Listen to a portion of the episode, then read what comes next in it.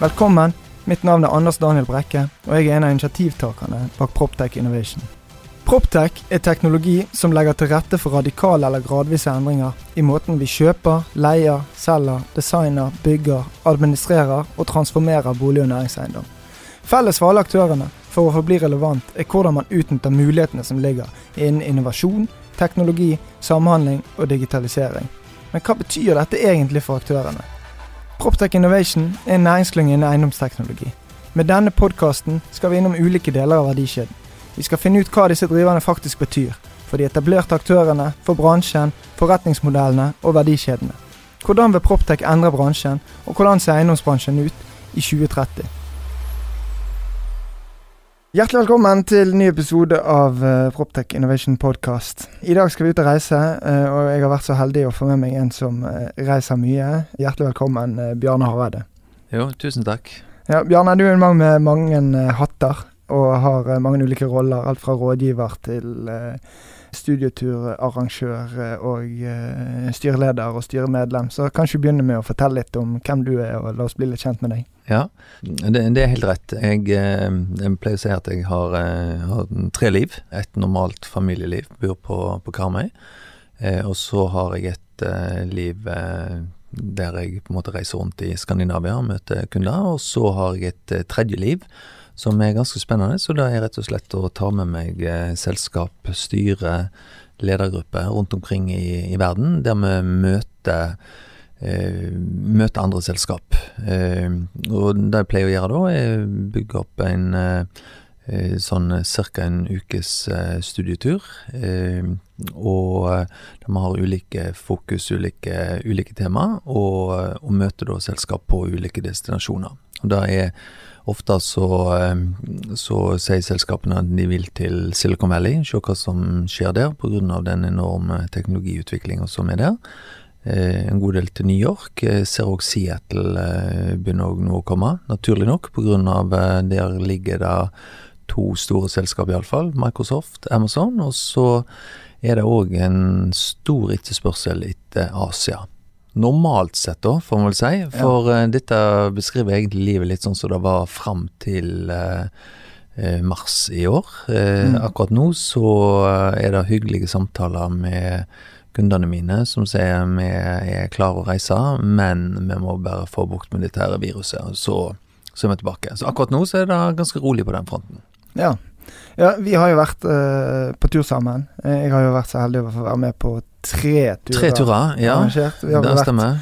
Ja. to ganger i USA. Først i New York og Silicon Valley, og så ja. en gang i, uh, i, Tel Aviv, eller Wadi ja. Valley. Uh, så jeg kjenner for så vidt godt til dette opplegget ditt. Ja. Og du har jo med deg mange ulike bransjer. Det er jo ikke noe spesialfelt. Ja, altså det, det, er litt, det, er litt, gøy, for uh, normalt sett, eller normalt sett, men dette begynte egentlig med mediebransjen, som mm. jeg ser var kanskje en av de første bransjene ute i den berømte digitale transformasjonen. Eh, ble hardt angrepet. angrepen. Eh, og så har egentlig andre bransjer kommet etterpå. Bank og finans kom òg veldig, veldig sterkt. Forsikring ser jeg òg er der, retail er der. Og så har du helt rett i at meg og deg har jo vært ute i, i real estate, eller proptech som det heter på fint. Og der, derfor har det blitt en del bransjer. Det som er litt gøy, er jo at veldig mange av disse eh, utfordringene er relativt like. Det er rett og slett hvordan skal vi forholde oss til de svære globale økosystemene? Hvordan skal vi endre på forretningsmodellen? Hvordan skal vi få fart på organisasjonen vår? Hvordan skal vi skape nye initiativ? Eh, ja, det er egentlig de, de tingene en er opptatt av. Og det er nesten helt bransjeavhengig. Ja, og det er jo litt interessant, for det, det vi har sett i, i, innen proptech, eller eiendomsteknologi, så har det jo vært en enorm akselerering eh, innenfor både startups og initiativ og en endring i hele bransjen eh, veldig raskt i løpet av de siste 12-18 månedene. Eh, men frem til det så opplevde jeg at denne bransjen på en måte lå litt og hvilte litt på laurbærene. Eh, I hvert fall sammenlignet med Media og Finans, som kanskje var blant de to første som, som måtte hive seg ut i dette, rett og slett for å forbli relevant. Ja, det, det er helt rett. Og, og, jeg pleier egentlig å si at det er jo absolutt alle bransjer eh, blir på en måte angrepet av den, eh, den utviklingen som, som, er nå. Men eh, vi lærte jo litt når vi var i lag på den første studieturen. Og da var at vi reiste med et fokus der vi var i real estate-bransjen, og møtte aktører som sier dere er ikke i real estate, dere er faktisk i proptech. Og så jobber vi litt med hva er proptech for noe, og, og har liksom definert det. og da Eh, det er på en måte en enda spissere del, eller en kaller gjerne nisje av real estate, og ligger under den kategorien. Og det, det, er faktisk noe av det jeg ser. Eh, og det er at eh, i, på, på verdensbasis så, så, danner det seg rett og slett litt ulike sånne kategorier. Sant? Altså Vi har fintech, vi har medietech, vi har real estate, vi har uh, proptech. Eh, og, og, og, det er på en måte innenfor de områdene som, eh, som en er. Og, du, du, har jo helt rett i at uh, dette her er en rivende utvikling. Uh, og det, som jeg, jeg har fall lært av dette her, når jeg har med meg kunder rundt og besøker disse selskapene, er at det skjer veldig mye i New York på dette området her. Mm. Og det er, det er rett og slett pga. masse bygningsmasse. Eh, det er utrolig høye leiepriser og et enormt behov for rett og slett rehabilitering, freshe opp de bygningene som er. Da må du begynne å ta i bruk eh, sensorer, du må begynne å ta i bruk eh, miljøteknologi. Du må rett og slett begynne å ha oversikt over, over hva, du, hva, du, holder på med. Og da kan du si at det som skjer, det er at teknologien valser inn i eh, byggene. Og det har rett og slett med hva måte bygger du på, hva måte drifter du byggene på, hva gjør du med søppelet ditt, eh, og hva gjør du med måten du leier det på, hva gjør du med måten du selger byggene på. Eh, egentlig hele, hele økosystemet som, som, er der. Og det er kjennetegnet det er at det kommer teknologi, og da er det rett og slett prop, property, mm. technology. Enkelt og, enkelt og greit. Ja, og så sitter det jo utrolig mye kapital også, i New York, som kanskje òg er en viktig driver for at den type initiativ skal komme frem. Ja da, og, og kombinert med en enorm eh, pådrivervilje og innovasjonsvekst. Så det er jo på en måte en smeltedigel. Og da, da jeg ser, er jo at det, det danner seg på en måte litt sånne cluster, noen deler av verden som uh, på en måte tar lead på, på, disse områdene. Og det er klart at innenfor Proptech så ser vi jo egentlig at det New York-området er ganske så, ganske så sterkt. Ja, så Tipset og erfaringen er egentlig at hvis, er, hvis, hvis man skal se på Proptech og eiendom og teknologi, så vil man få mer utbytte av å være med deg til New York enn å på dødelig reise til Silicon Valley. Ja, det er, det er jeg faktisk enig i. Eh, mm. Og så er det jo en del av disse selskapene som òg er i Silicon Valley. Eh, men, eh, men, egentlig New York er, definerer jeg egentlig som kjernen av det. Mm. Men eh, du nevnte jo vi har vært i Tel Aviv i lag. Eh, og der er jo visualisering. Eh, ja. Sånn at hvis du skal på en måte inn og si at det, det er visualiseringsdelen du er inne i i Proptech-området, da, da er det Tel Aviv plutselig som har en eh, spisskompetanse på, på det. Ja, det er gjerne ikke mange som vet, men det, det, som kalles Wadi Valley, som ligger i en del av Tel Aviv, de er jo faktisk ekstremt cutting edge og langt der oppe når det kommer til teknologiutvikling, og slår jo egentlig Silicon Valley på eh, flere områder. Ja, og, og, dette er, og, her har vi masse å lære. For, eh, for det er klart at eh, israelerne i eh, Tel Aviv, de er rasende dyktige. Mm. Eh, og så eh, er de, de er dyktige på teknologiutvikling, de får masse støtte fra staten. Det er ekstremt flinke folk, og ikke minst kommersielle folk. Så da jeg erfarer med folk fra Israel, det er at de eh, har hele teknologiutviklingen sin der, er ekstremt effektive. Og så sier de hvor er det vi skal eh, kjøre dette inn i markedet, og det de da gjør, det er at de etablerer kontor veldig ofte i New York eller i USA, og kjører det inn i nettverkene sine for å få enorme kunder, eh, som igjen tar dette her ut, og så vender de seg tilbake igjen til Europa eller til, eh, til Asia. Mm. Eh, så der har, vi, der har, vi, i Norge veldig, veldig mye å lære. Utvikle hjemme, og rett til USA. Mm.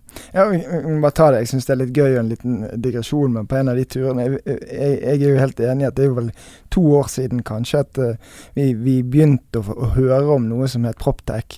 Og jeg vet jo at du har en ganske gøy historie om en uh, toppleder, vi trenger ikke nevne navn, som var da og besøkte Stemmer ikke at dere var på Nordic Innovation House i Silicon Valley, hvor det ble snakket om dette? og jo, altså eh, Jeg skal ikke nevne navn, men eh, Eh, hadde med meg ei, ei gruppe, eh, veldig mye med Bergensselskap, eh, som var et initiativ fra, fra Knowit. Og der var det en av lederne i, eh, i et eh, stort selskap her i Bergen som faktisk besøkte New York Times. Og så den endringen som New York Times hadde hatt i sin forretningsmodell, der de da rett og slett ble angrepet. Og da denne lederen sa dette her må min styreleder rett og slett få med seg, så vi må bort igjen. Og vi reiste bort igjen. Eh, reiste først til, eh, til, New York, og så reiste vi over til eh, Silicon Valley.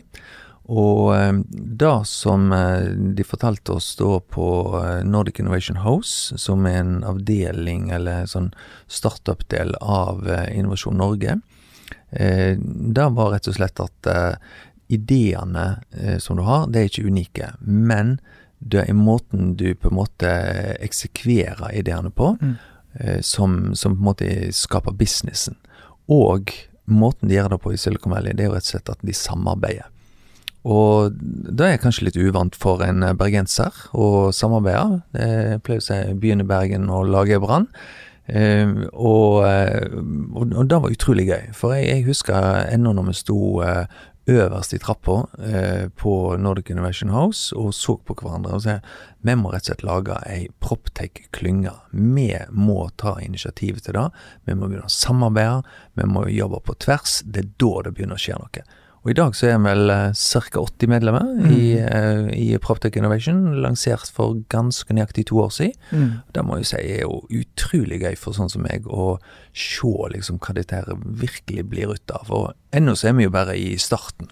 Ja, så Vi kan jo egentlig si at Proptech Innovation ble faktisk født i, i trappen mellom første og andre etasje på, hos Innovasjon Norge, midt i Palo Alto Silicon Valley. Ja, jeg kan, eh, jeg kan datofeste der òg. Eh, så da, var 5. februar, og klokkeslett eh, tror jeg var sånn ca. kvart over ti. Ja, norsk eller ja, Pacific Time. så så nøyaktig kan vi, kan være. Det var der vi mm, så på hverandre mm. og sier yes, dette her må vi bare få til litt høyt oppvarme, det må vi vel innrømme. og da, Det er jo litt av det som er, er gøy, at når du, når du, reiser på en sånn tur, så, så sier jeg at da, da eh, åpner du eh, øynene, du lar litt av denne her eh, garden falle, litt av den der skepsisen, dette får vi ikke til, den, den, legger du igjen hjemme, og så suger du inn av alt det du har å, å lære. av. og det, det, er virkelig gøy å se på ei gruppe Eh, fra på en måte du starter ofte mandag morgen, og, og, og hvor du ender ut når, når, fredagen kommer, så er det altså som eh, Ja, altså det er en innovasjonsreise som eh, du føler har vart i flere måneder omtrent. Og, og, da vil gjengen hjem, og da vil de begynne å, å jobbe og gjøre endring. Så det, mm. det, er virkelig gøy å se på. altså. Ja, og det er jo interessant. For jeg vet jo at flere av de turene du arrangerer, så har du jo med deg opptil 10-12 ulike selskaper, og så har du egne turer hvor du kun har ett selskap som skal se på noe helt spesifikt. Eh, men det skjer jo noe òg når på en måte aktører fra helt andre bransjer snakker sammen. Og Hva tenker du at man kan, man kan lære? Nå vet vi at media og finans og mange andre er, er kommet veldig langt inn i denne transformasjonsreisen. Så Hva er dine refleksjoner rundt på en måte, hva bør eiendomsbransjen gjøre? Som er startgropen, så å si. Eiendomsbransjen er i en, en, bransje som er i ganske stor endring. Og eh, det er klart at uh, her har en uh, Her har en Altså hvis en måtte dele det i to, to, deler. Det ene, ene, perspektivet som jeg ser på eiendomsbransjen, det er rett og slett måten å drifte byggene på. Uh, og da, da er ikke bare liksom å putte inn sensorer, putte nye lysrør eller Eh, begynne å bruke Internett av Things og 5G-teknologi og, og, på en måte eh, Kall det gjerne automatisere byggene. Det er òg at det skaper nye forretningsmodeller. Eh, der du f.eks. sier at ja, men hva skal jeg gjøre med ledig kapasitet?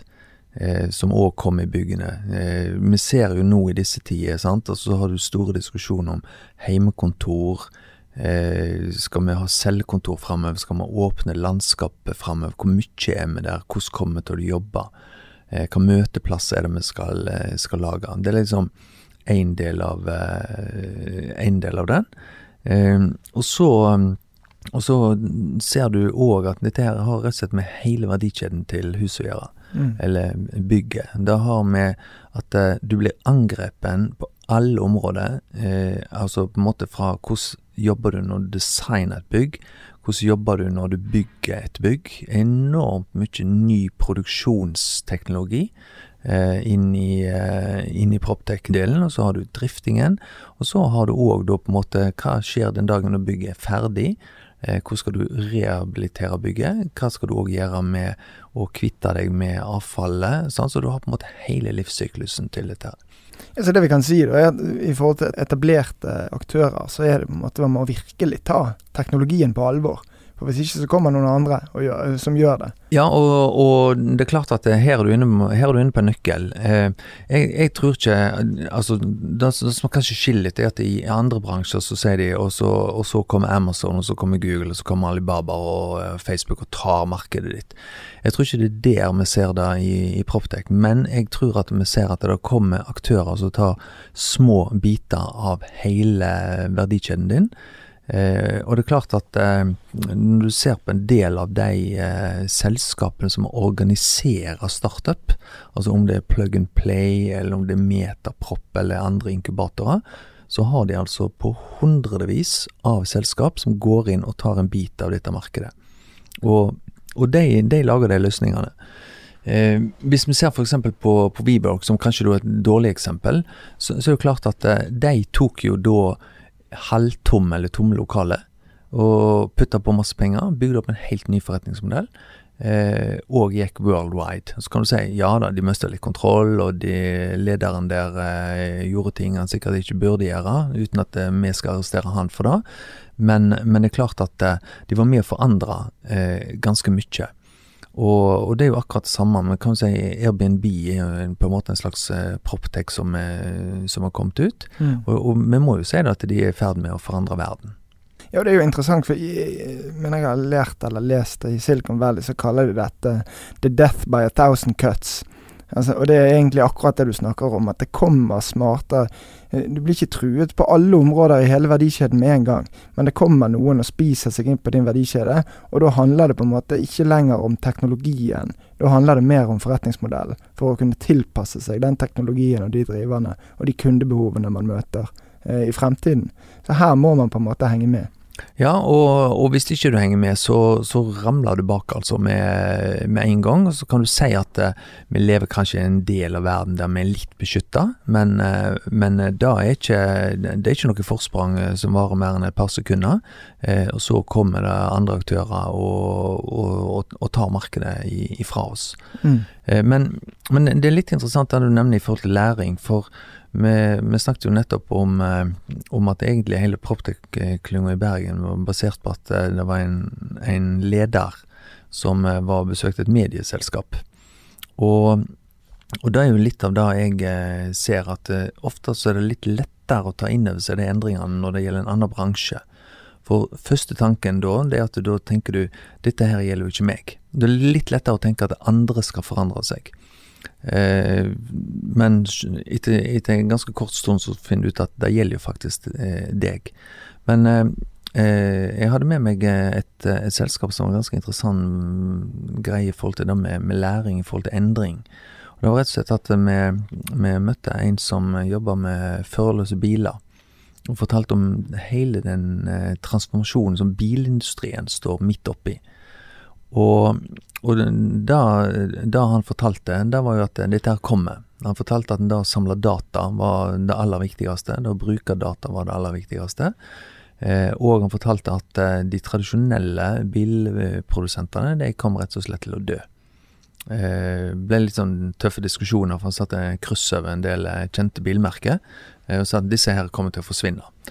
Eh, og, og, her kommer det til å Jeg tror han liste opp med ca. 124 ulike arbeidskategorier som kommer til å få konsekvenser for den endringen Eh, og ting vi aldri hadde tenkt på. At eh, doktorer f.eks. vil kanskje De som jobber med å, å fikse folk som er trafikkskadde. Eh, hvis det ikke skjer bilulykker, ja, hva skal de gjøre på? Sant? Altså, sånt du, du egentlig ikke tenker på. Og da spurte den lederen etterpå hva, hva lærte du, for var jo, vi var ikke i bilindustrien.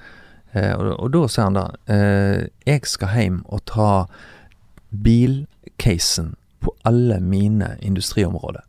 Og det er en ganske god, eh, god, læring. Altså Rett og slett sette det ned i etterkant. Tenke hva konsekvenser får det jeg har lært på min bransje, på min business.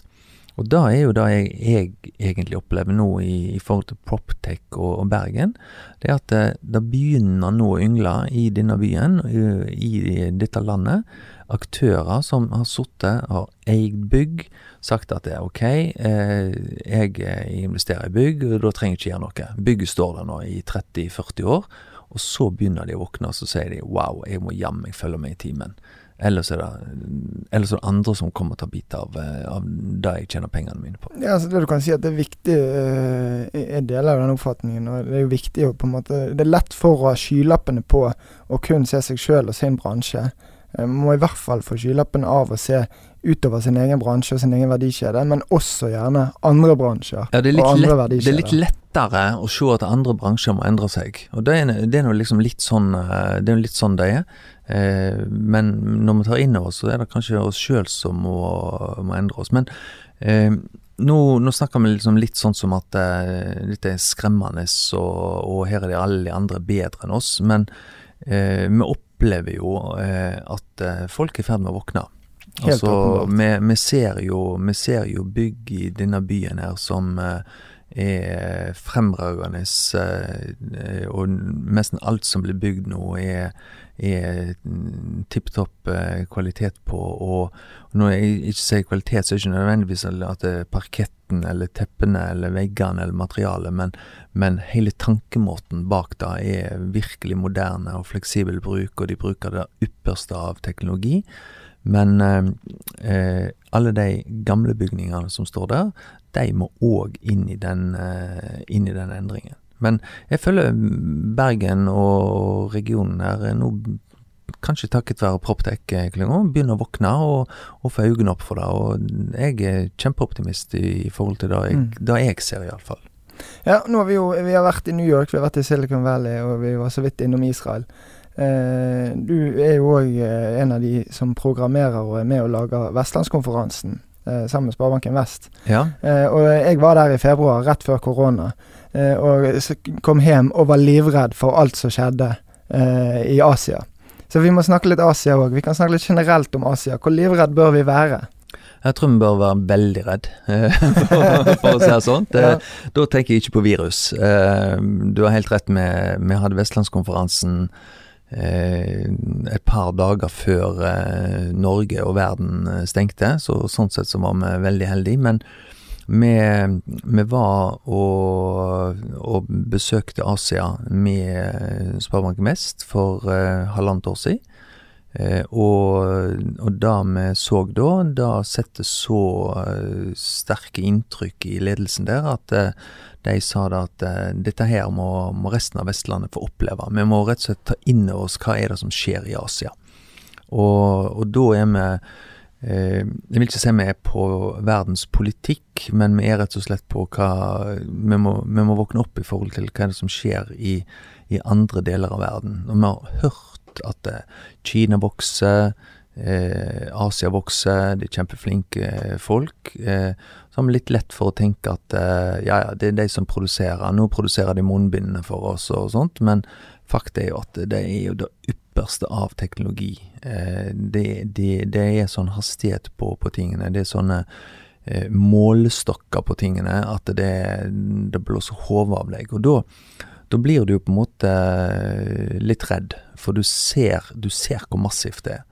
Eh, og, og, det er klart at du, du, kan ta et selskap som Huawei, som liksom vi forholder oss til, men det er klart at når du begynner å gå inn i det selskapet, så ser du at det, det selskapet har faktisk starta omtrent den dagen jeg var ferdig på videregående. Eh, og eh, selv om det begynner å bli noen år siden, så er det ikke så, det ikke så grådig lenge siden heller. Eh, og i dag så er det et selskap med 200 000 ansatte. Eh, de, eh, de er verdensledende på 5G-teknologi. Eh, og når de bestemmer seg for at nå skal de, nå skal de starte en ny eh, jeg kaller en ny iPhone, selv om det er på en måte en, en ny smarttelefon, så, så, bare, så bare starter de da. De, de lager teknologien eh, sjøl.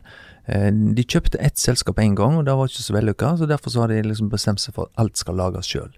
Og, og de, de, de ligger to-tre år framfor resten av de store aktørene innenfor 5G-teknologi. Mm. Eh, og så ser vi jo da hvordan det blir angrepet fra USA. Eh, og det er jo helt klart av at eh, amerikanerne forstår hva som skjer, og prøver å sette mest mulig bremse på det. Men da, da kan de bare glemme. Ja, Huawei-case er jo ekstremt spennende. For eh, det jeg, var en av de tingene jeg satt igjen med, var jo at eh, halvparten av medarbeiderne jobber spesifikt med innovasjon og utvikling. Ja. Altså Det fins ikke et selskap i Norge der halvparten av medarbeiderne jobber med det nye. Nei, og halvparten av medarbeiderne er faktisk 100 000 personer. ja. ja sant? Sånn at eh, altså, med, altså, Ta store selskap i Norge som Telenor, som, eh, som Equinor. Sant? Altså, eh, altså det, det, er sånne målstokker at vi, vi vil ikke tro det. Og det er klart, dette her kommer, kombinert med kapital Ja, altså eh, BNP vokser ikke sånn som det har vokst. Det har vokst eh, Går ned til 6 sant? Altså eh, men, men, det er klart at dette her det kommer til å få en enorm eh, innflytelse på verden. Eh, og så, så, skal ikke jeg rettferdiggjøre alt det de gjør. Jeg har sett ansiktsgjenkjenningsteknologien deres, og eh, jeg, jeg, ser jo hvordan de eh, kjører de inn kameraene i trafikken og når du går over fotgjengerfeltene og, og alle tingene der. Så, så det, det, er veldig mange aspekt med, med, det som vi skal tenke oss om. Men det er klart, teknologisk sett så kommer den gjengen til å ta verden, om ikke de allerede har gjort det. Det, ja. det, det, er min vurdering. Så, så jeg får jo sånn spørsmål skal vi reise til USA eller skal vi reise til Asia. Og jeg sier jo du må reise begge plasser. så, men, eh, men du, du, lærer på en måte Du lærer egentlig utrolig mye med å se hva som skjer. Og det, det er forskjeller på, på det. Og en del av det i Asia er liksom litt vanskelig å kopiere. Litt vanskelig å stjele hjem liksom, til, eh, til Vestlandet og, og, til Bergen sånn direkte. Men da å ta inn over seg hvor raskt de jobber, hvor stort det er, og hva dette her virkelig betyr for oss, da må du som eh, bedriftsleder rett og slett eh, ha oversikt over i dag. Mm. Shenzhen er vel eh, det største innovasjonsdistriktet rett utenfor, eller bortenfor Hongkong, stemmer ikke? Jo, det stemmer. Det ligger liksom rett rundt neset. Så, så du kan se at det er, det er omtrent som eh, Fyllingsdalen ja. eh, i forhold til de som bor i, eh, bor i sentrum, eller, eller Askøy er kanskje et bedre eksempel. Og det, det, som er, det som er rett og slett eh, en skal ta inn over seg, da, det er at eh, Shenzhen eh, var da en by for 40 år siden med ca. 300 000 mennesker eller noe sånt, og i dag så bor det 15 millioner mennesker. Ja. ja og, og, det er klart at det, det ser ikke ut sånn som i Fyllingsdalen eller i Askøy, men det gjorde det faktisk for, eh, for 30-40 år siden. Mm. Eh, og, og det gir inntrykk, og da tenker du hvor er denne regionen om fem år, om ti år, om 15 år og om 20 år? Og da, da vet vi jo svaret på. Ja, så våre barn kommer til å snakke om Sunshine i stedet for Silicon Valley eh, når de vokser opp, f.eks. Ja, men de kommer til å snakke om Silicon Valley òg, ja. eh, så da, da, gjør de. Og da, da som, eh, da som jeg har tenkt en del på disse, disse månedene når en eh, sitter og kikker inn i laptopen, eh, og det er jo Eh, at vi hører veldig mange sånne konsekvenser av den eh, pandemien som, som, er nå. Og det er klart at eh, vi, vi, har veldig sånn eh, Ja, vi kommer til å fly litt mindre, eller kommer til å jobbe hjemme, liksom. Det er ikke der, det er ikke der de store konsekvensene. De store konsekvensene da er rett og slett at det er noen selskap i verden som fosser fram. Og de selskapene, det er Amazon, det er Google, det er Alibaba, det er Huawei. De selskapene der har ikke stoppet opp. Eh, Amazon har vel tilsatt hva det 175 000 mennesker eh, etter pandemien brøt ut. Vi snakker om eh, Nav og arbeidsledighet. Ja. ja og, og den gjengen der, de tjener milliarder på det som nå skjer, og de stopper ikke opp innovasjonen. De stopper ikke opp eh, den utviklingen som, eh, som, som er nå. De bare bruker denne muligheten eh, framover. Dette går ikke på hvor landene er hen. Eh, dette her går rett og slett på de selskapene som begynner å bli så store at de, de på en måte styrer verden. Så jeg, jeg pleier å si, og jeg, eh, jeg har møtt alle disse her, altså eh, og, og jeg da at eh, denne gjengen her, de, de har Det dannes et nytt lag i, i verdenssammenhengen som rett og slett eh, bestemmer kanskje mer enn landet. Mm. Og så så har vi òg snakka en del om, eh, om, selskapene og sånt, men vi, vi ser jo òg at eh, akademia er ganske viktig i dette. her. Altså Da tenker jeg på eh, de seks universitetene som ligger i Shenzhen og Hongkong. Eh, med tipp topp kvalitet. Vi snakker om eh, Berkeley-universitetet, vi snakker om Stanford-universitetet. Og, og, det er jo altså Stanford har jo en Eh, eh, skapt en tilsvarende økonomi som eh, hele Canada. Mm. som jo er ganske betydelig. Så er jo litt heldig med at Google-gründerne og Cisco-gründerne gikk, gikk, der, så de, de er jo gode til amerikanerne. Mm. Eh, og, og da, er litt, da, er det litt gøy å se at det nå begynner det å våkne her òg. Nå er det tildelinger innenfor eh, marineområdet, innenfor medieområdet. Fikk vel 300 000 ifra Eh, fra det offentlige eh, for forskning og utvikling. Eh, nye samarbeidskonstellasjoner som vokser fram.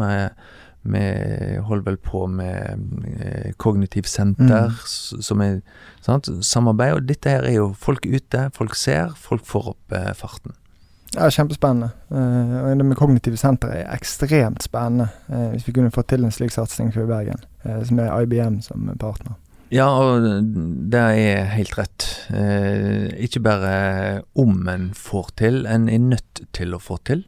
Eh, og det som er gøy der, er jo på en måte at det er jo samarbeidskonstellasjoner som en ikke har sett, og som mm. en for to-tre år siden kanskje ikke trodde var mulig å få til. Og da, da er det jo inne på eh, kanskje det aller viktigste, og det er jo kunstig intelligens. Mm. Eh, og kunstig intelligens, det er som at vi får strømmen på nytt igjen. Eh, det kommer til å forandre verden så utrolig mye. Eh, så det er som å få strømmen, det er som å få laptopen, det er som å få smarttelefonen. Eh, og vi, er jo knapt begynt å, å, å bruke det. Mm. Ja, jeg tenkte vi skulle nå mot Vi nærmer oss slutten, og vi måtte jo snakke litt om konferanse. Meg og deg holder på å lage Proptech Innovation-konferanse 2020-2021. Vi får se hva det blir. Ja. Jeg vil gjerne at du forteller litt om dine tanker, du som er leder for, for programmeringen eh, til konferansen, og hva vi har tenkt å gjøre. Uh, men egentlig så er jo det det vi har snakket om nå, som vi har tenkt å ja, ta til Bergen. Ja, det er jo egentlig det. Ja. Uh, på en enkel og grei måte. Så uh, vi ser jo når vi får lov å samles.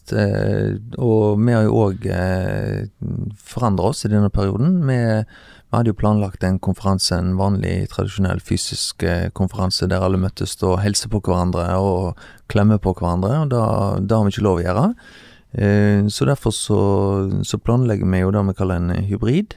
Med en, eh, først en eh, digital konferanse, og så en kombinasjon av en digital og en fysisk konferanse. og Det er jo utrolig spennende i seg sjøl.